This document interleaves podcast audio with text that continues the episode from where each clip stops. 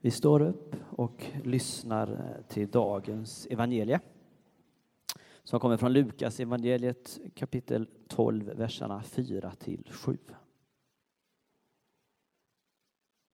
Och det finns på sidan 738 i de röda biblarna. Jag säger till er som är mina vänner, låt er inte skrämmas av dem som kan döda kroppen men sedan inte kan göra mer. Jag ska tala om för er vem ni ska frukta. Det är honom som ska döda, kan döda och sedan har makt att kasta oss i helvetet. Jag säger er, honom ska ni frukta. Säljs inte sparvar för två kopparslantar? Men ingen av dem är glömd av Gud. Och till och med hårstråna på ert huvud är räknade. Var inte rädda, ni är mera värda än aldrig så många sparvar. Så lyder det heliga evangeliet. Lovad vare Gud Kristus.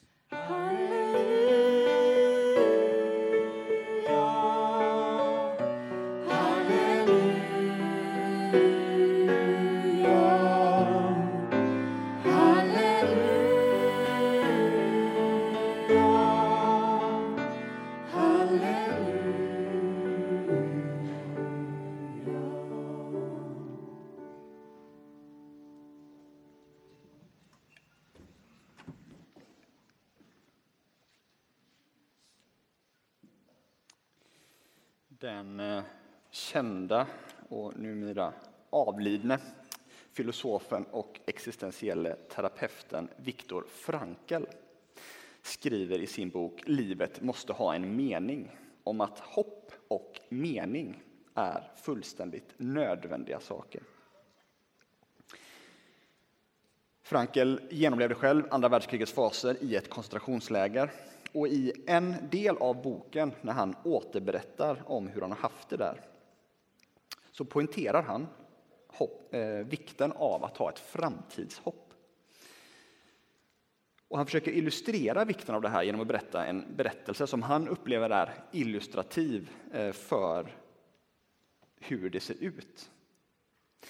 Han berättar att en man anförtrodde sig till Frankel eh, jag tror att det här var i januari, eh, februari någonstans där.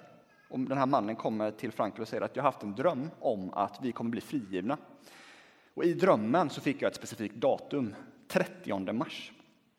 Och det var någonting i den här drömmen som fick honom att tro att det här är en sanndröm, det här kommer verkligen ske. Och Frankel berättar sen att när tiden gick, när datumet kom närmre och närmre och ingenting av liksom det historiska skedet pekade mot att de faktiskt skulle bli frigivna, så blev mannen sämre, både fysiskt och psykiskt. 29 mars så fick han hög feber. 30 mars tappade han medvetandet och 31 mars så var han död. Och Frankel säger så här. Den som inte kan tro på en framtid, sin egen framtid, är förlorad i lägret. För Frankel själv så innebar det att han försökte hålla sig vid liv genom att tänka på sin fru, hoppet om att få, få återse henne och dagdrömma om att föreläsa om de här erfarenheterna som han skulle göra i koncentrationslägret. Och när han försökte hjälpa sina medfångar så var det också det som han försökte hjälpa dem att finna. Ett framtidshopp och en mening mitt i de här fruktansvärda händelserna. Jag tror och hoppas att det är få av oss som har befunnit sig i så ohyggliga omständigheter som Viktor Frankl har fått göra. Men jag tror att hans tes om att vi behöver hopp håller även i vardagliga situationer. För att orka vidare i våra projekt, stora och små, så behöver vi hopp. När vi hoppar på en utbildning så är det hopp om att lära oss något intressant och kanske i förlängningen få ett intressant och meningsfullt jobb när vi väntade våran, våran son så fick vi lära oss att man skulle ha en målbild som skulle liksom bära genom graviditet och inte minst genom förlossningen. Och ännu mer i svårare stunder, när livet är jobbigt, när våra relationer hotas. När, när, eh, när vi står inför uppgifter som känns fullständigt övermäktiga. Eller när vi förlorar dem vi älskar. Då behöver vi ett hopp för att orka vidare. Den som inte kan tro på en framtid, menar Frankel, orkar inte kämpa vidare. Temat för idag är vårt evighetshopp. Men i den text som vi har fått läst så, så tycker jag inte att hopp är det som står ut allra tydligast. Men jag tror att det som Jesus säger till sina lärjungar där snarare pekar mot vårt evighetshopp. Och jag skulle vilja förklara hur jag tänker att de här sakerna som han lyfter upp där faktiskt pekar mot dagens tema, vårt evighetshopp. Men innan jag gör det så skulle jag vilja rama in situationen, förklara var de här eh, lärjungarna och var Jesus befinner sig när han säger det han säger till dem, det som vi precis har fått läst för oss. Så vad var lärjungarnas situation då, när Jesus adresserade dem? Jo, i början av Lukas evangeliet och även i de andra evangelierna, i alla fall de synoptiska, så befinner sig Jesus först i, i den galileiska landsbygden. Så han befinner sig ganska långt ifrån städer och liksom de, det politiska centrat. Och därför kunde han att Gudsriket är nära, han helar, han upprättar, han förlåter. Eh, och han möter människor. Och det är tre grupper som liksom han hamnade i clinch med, skulle man kunna säga, i den här verksamheten. Det är för det första Herodes och hans anhängare. Herodes var ju den som satt på, på tronen i, eh, i Judea, en, en korrupt kung. Men för honom var Jesus ett hot, för att vissa menade att Jesus var den, den berättigade kungen, den rättmätige kungen. Så för Herodes var Jesus ett hot mot hans makt. Den andra gruppen som Jesus kolliderar med är de religiösa ledarna. Det är ofta de skriftlärda och fariseerna som, som han kolliderar med där. Och för dem var Jesus ett hot för att han kritiserade dem och undergrävde deras makt och deras auktoritet. Och den tredje gruppen, det var Rom. De ser vi inte jättemycket genom evangelierna, men för Rom var Jesus ett hot för att han var en potentiell revolutionär. Han var någon som skulle kunna ställa till oreda och Rom behövde lugn i regionen för att kunna utvinna spannmål. Så de här tre grupperna krockar Jesus med kontinuerligt genom evangelierna. Och I kapitel 9 i Lukas evangeliet så annonserar Jesus att han är på väg mot Jerusalem. Och då förstår vi som läsare och även de som följer honom att nu skruvas den här liksom situationen åt ännu mer. Jesus kommer att konfronteras med dem som, som han är meningsmotståndare med. Och han kommer att komma i en direkt konfrontation med dem. Och precis innan den texten som vi fått läst, då är det dessutom så att Jesus befinner sig i en oerhört hård ordväxling med fariseerna. Så vi som läsare förstår att här tätnar dramaturgin, konflikten tätnar. Och det är i den situationen som Jesus säger det han säger. Han säger först att de inte ska vara, eh, att, de ska att de ska akta sig för fariséernas hyckleri och sen lyfter han tre saker som jag uppfattade i dagens text. Han säger för det första att de inte ska vara rädda för de som bara kan döda kroppen.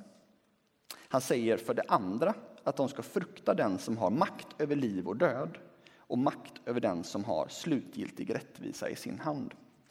Jag jobbar ganska mycket med folkbibeln när jag liksom förbereder mig. så. Och i Bibel 2000 som vi fick läst, där är eh, det, ordet, det grekiska ordet för helvete som finns där är Gehenna. Jag tycker helvete är en lite olycklig översättning för att det får massa associationer i oss som jag inte riktigt tror är hjälpsamma. Gehenna då var en plats utanför Jerusalem där man brände sopor och där det hade hänt massa ohyggliga saker under Gamla testamentlig tid. Men till slut så blev det en bild för liksom den slutgiltiga domen, den slutgiltiga rättvisan. Så. så det som Jesus säger där tror jag är, var inte rädda för, eh, eller frukta den som har makt över liv och död och frukta så att säga den som har makt över slutgiltig rättvisa. Och det sista som han säger och betonar i dagens text är att han betonar Guds omsorg över fåglar och betonar Guds omsorg över oss människor så till den grad att han till och med räknar hårstråna på våra huvuden. Så tre saker. Var inte rädda för den som bara kan döda kroppen. Frukta honom som har makt över liv och död och slutgiltig rättvisa. Och till sist så ger han den här bilden av Guds omsorg. Och jag ska försöka förklara hur jag tror att alla de här sakerna pekar mot det kristna evighetshoppet. Det vill säga mot korset och mot uppståndelsen. Jag skulle vilja liksom spåra de här teman genom Gamla Testamentet och sen förklara hur jag tänker att de pekar mot det. Så nu vänder jag mig till det kristna hoppet, vårt evighetshopp. Bibelns övergripande berättelse handlar om hur en kärleksfull och helig Gud skapar världen. Han skapar himmel, han skapar jord, han skapar hav, land, människor och djur. Och flera gånger återkommer Bibelns författare till att Gud såg att det var gott. Så en god Gud skapar en god värld som är tänkt att existera i harmoni. Harmoni mellan människor, djur, natur och allt sammans i harmoni med Gud som är skaparen. Men någonting går ju fruktansvärt snett. Mänskligheten som var liksom tänkta att vara skapelsens krona vänder sig ifrån Gud och då letar sig död in, ondska, maktkamp, mord och lidande. Och resten av Bibelns berättelse, resten av man säger dramaturgin, det som driver den bibliska berättelsen framåt skulle jag säga är hur ska Gud förhålla sig till det här? Hur ska en helig och kärleksfull Gud agera mot en värld som har vänt honom ryggen? Hur ska han förhålla sig till mänsklig ondska? Å ena sidan beskrivs Gud som en Gud som är helig. En Gud som inte riktigt kan sopa ondska och destruktiva händelser bara under mattan. Hans karaktär gör gällande att han inte kan stå passivt och se på när ondska och orättvisor inträffar. Men Gud är också förlåtande och kärleksfull. Och I Gamla testamentet skulle jag säga att det finns en spänning mellan de här två sakerna. Guds benägenhet att döma och ta ställning mot ondska och Guds vilja att förlåta. Och vi ser det här genom hela Gamla testamentet. I Första Mosebok, när, när människorna har syndat, så dömer Gud dem genom att förvisa dem från paradiset. Och samtidigt så klär han dem, och han är med dem och han vakar över dem. När det judiska folket är slavar i Egypten så dömer Gud egyptierna för det de gör mot hans folk och samtidigt så sträcker han sig ner i kärlek och befriar sitt folk. Och när det judiska folket inte vill lyssna på den, den lag han har gett dem och inte vill eh, tillbe honom utan vänder sig till andra gudar så försöker han gång efter annan att få dem på rätt köl. Men till slut så skipar han rättvisa i form av att sätta dem i exil i Babylon. Men till och med där i exilen, i den här fullständiga mörkret för det judiska folket, så säger Gud så här genom profeten Jeremia. Han säger att han vill ge dem en hopp och en framtid och att han vet vilka planer han har för dem, till och med i det mörkret. Så dom och förlåtelse finns i spänning i Gamla testamentet. Men det finns också ett löfte om att Gud en dag slutgiltigt ska göra slut på ondskan. Att han en gång för alla ska ta ställning mot det destruktiva som finns i världen. Och redan här, om ni orkar med lite filosofi och lite teologi här, redan här kan vi ana ett hopp i den bibliska berättelsen. För enligt den är ondska och destruktivitet inte en del av originaldesignen. Ondska och destruktivitet är objudna gäster som har letat sig in i en till en början god värld. Och någonting som en dag ska övervinnas. Och det ger oss ett perspektiv att förhålla oss till de här sakerna. Och det perspektivet uttrycks oerhört bra genom en teolog som heter David Bentley Hart, så jag väljer att citera honom. Han säger så här, tänk er ett barn som dör en plågsam död i difteri, en ung moder sargad av cancer, tiotusentals asiater uppslukade på ett ögonblick av havet, miljoner död, mördade i, i läger och gulager, framtvingade svälter. Vår tillit är till en Gud som har kommit för att rädda sin skapelse från syndens absurditet och dödens tomhet. Således tillåts vi att hata dessa saker med ett perfekt hat. Och gällande tröst, när vi söker den, kan jag inte tänka mig något större än kunskapen att när jag ser ett barns död så ser inte jag Guds ansikte, utan ansiktet av hans fiende. Det är en tro som har gjort oss fria från optimism och istället lärt oss att hoppas. Så redan här finns ett hopp. Ett hopp i form av att vi kan kalla ondska för ondska och ett hopp om att Gud en dag ska fria världen från tomhet och absurditet. Men vi vet inte riktigt hur Gud kommer verkställa det här löftet. Och till Bibelns berättelse så finns en, en jobbig teologi i vissa avseenden, skulle jag säga. Och det är att Bibelns berättelse aldrig riktigt tillåter oss att säga att Det är bara där borta som ondska finns. I människor som inte ser ut som mig, i människor som inte röstar som mig eller agerar som mig. Och få fånga den här lite jobbiga teologin bättre än, än den ryske författaren Alexander Solzhenitsyn som säger så här. Om det bara vore så simpelt, om det bara fanns onda människor någonstans som smygande utförde onda gärningar och att det bara var nödvändigt att separera dem från resten av oss och förstöra dem. Men gränsen mellan gott och ont skär genom varje människas hjärta. Och vem är villig att förstöra sitt eget hjärta? Så hur ska Gud agera, inte bara mot den ondska som vi ser i världen, utan även den ondska som vi ser inuti oss själva? Ska han bara förlåta? Hur blir det då med hans helighet? Ska han bara döma? Hur blir det då med hans kärlek? Svaret får vi, skulle jag säga, i Nya testamentet, där de här trådarna flätas samman. I Nya testamentet blir Gud ännu mer intim med världen han har skapat. Han kommer som en av oss i ögonhöjd i form av Jesus och han tar på spetälska, han förlåter synd och han möter sargade människor och upprättar dem. Och när vi läser Lukas evangeliet och de andra evangelierna också för den delen, så vet vi att på ett plan så dör Jesus i en konspiration mellan Herodes, Rom och de religiösa ledarna. Men vi som läsare, vi lär oss att någonting händer bakom kulisserna. Någonting som inte makten förstår. En bild av vad det är som händer får vi i Lukas kapitel 13. Och där befinner sig Jesus i dialog med de religiösa ledarna och där uttrycker han så här i tårar. Jerusalem, Jerusalem.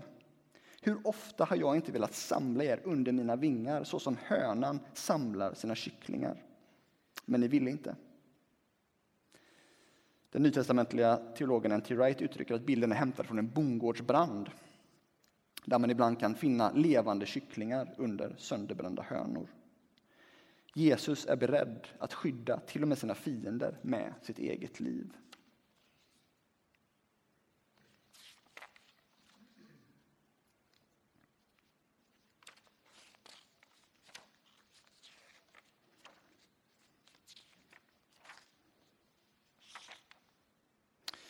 Jag har tappat bort ett papper här. Men det är ingen fara.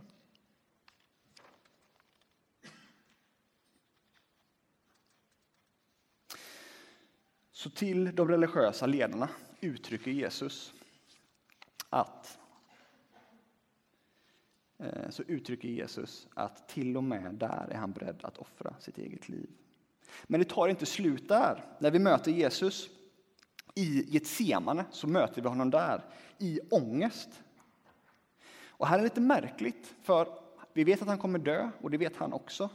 Men till och med där, när han befinner sig i ångest i, eh, i eh, Getsemane, så är det lite märkligt. För är han som på något sätt uppmanat sina åhörare här att inte vara rädda för döden?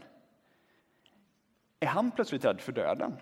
Och så ber han flera gånger att Herre, ta bägaren ifrån mig. Om det är din vilja, ta bägaren ifrån mig. Vad är det för bägare som han ber om att inte få dricka? I Gamla testamentet så är det så att bägaren står just för Guds dom och för Guds sorg över mänskligheten. Så när Jesus befinner sig i, på knä i ett semane så är det det han står inför.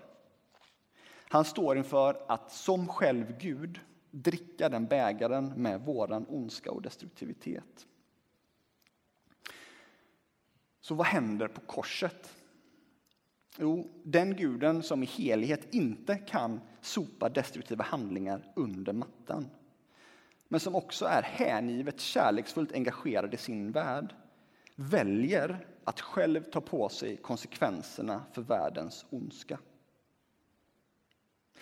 Och en av mina teologiska lärare från, från tiden när jag pluggade uttryckte där att vad är det som händer? Jo, Gud blir ondska. Han blir folkmord, han blir pedofili, han blir psykisk ohälsa. Han går in i gaskamrarna i Auschwitz, han hänger i Nürnbergrättegångens galgar. Och det är därifrån han utbrister att det är fullbordat. Den guden som har skapat världen och som hatar ondska väljer att själv gå in i den. Han väljer att i sin kropp bära våra sår, både det som vi har orsakat andra och de som vi har blivit orsakade. Men det tar inte slut där. Utan tre dagar senare så uppstår han. Och om uppståndelsen säger N.T. Wright återigen så här. Poängen med uppståndelsen är att vårt nuvarande liv inte är värdelöst bara för att det kommer ta slut. Vad vi gör med våra kroppar spelar stor roll eftersom Gud har en framtidsplan för dem. Vad vi gör nu målar, predikar, sjunger, syr, ber, bygger sjukhus, gräver brunnar, driver kampanjer för rättvisa, skriver dikter, förbarmar oss över dem som behöver hjälp, älskar vår nästa så som vi älskar oss själva. Allt det kommer att bestå in i Guds framtid. Så hur hänger dagens text ihop med vårt evighetshopp? Jo, vi behöver inte frukta döden, för vi har en som själv har dött och har övervunnit döden genom att själv dö. Vi kallas att frukta honom som har makt över liv och död. Men i hans kärlek så får vi gömma oss under hans kärleksfulla vinge när han tar på sig världens destruktivitet. Och vårt hopp står till en som visar en djupare kärlek än att bara räkna våra hårstrån. Vårt hopp står till en Gud som i sin kropp bär våra sår. Om vi som Frankel säger behöver ett framtidshopp så blir vi vissade här om att uppståndelsen kommer att ge oss någonting som ingenting kan ta ifrån oss. Och att allt det vi gör när vi bygger hans rike kommer att bestå in i evighet, även de minsta gesterna. Jesus sa de här orden till lärjungarna när mörkret hopade sig omkring dem. Men när vi läser evangelierna så kunde inte de ta in det som han sa. Och det är inte förrän efter korset, efter uppståndelsen, som de faktiskt kan förstå allt det som har hänt. Det är först efteråt, i backspegeln, de förstår vad det är som Gud har gjort för dem. Och här hämtar jag också någonting som jag vill avsluta med. När vi känner oss förvirrade, helt omslutna av mörker och där vi inte kan se en väg framåt, det är ofta då som Gud är mest aktiv. Han verkar i oss, runt oss och skapar en framtid när vi är som mest trolösa och som mest hopplösa. Och vi minns allihopa att när Jesus, eh, innan Jesus dör så överger alla lärjungarna honom. En förråder honom, en förnekar honom och alla andra försvinner ifrån honom. Och allra sist skulle jag vilja skicka med ett bibelord, det som jag redan har hänvisat till. Men till dig som känner att det är nattsvart och att det inte finns något hopp så skulle jag vilja återigen läsa profeten Jeremias ord och betona att det är i exilen, när hoppet verkade vara helt utsläckt, som profeten säger det här. Jag vet vilka planer jag har för er, säger Herren. Det är planer för välgång och inte för något ont, för att ge er en framtid och ett hopp. Amen. Herre, jag ber att du ska låta oss få ett framtidshopp, oavsett vår situation nu. Och i synnerhet, Herre, vill jag lyfta upp dem som upplever en hopplöshet, Herre. Att du ska ge oss ljus i det mörkret. Vi ber dig genom din son, Herre. Amen.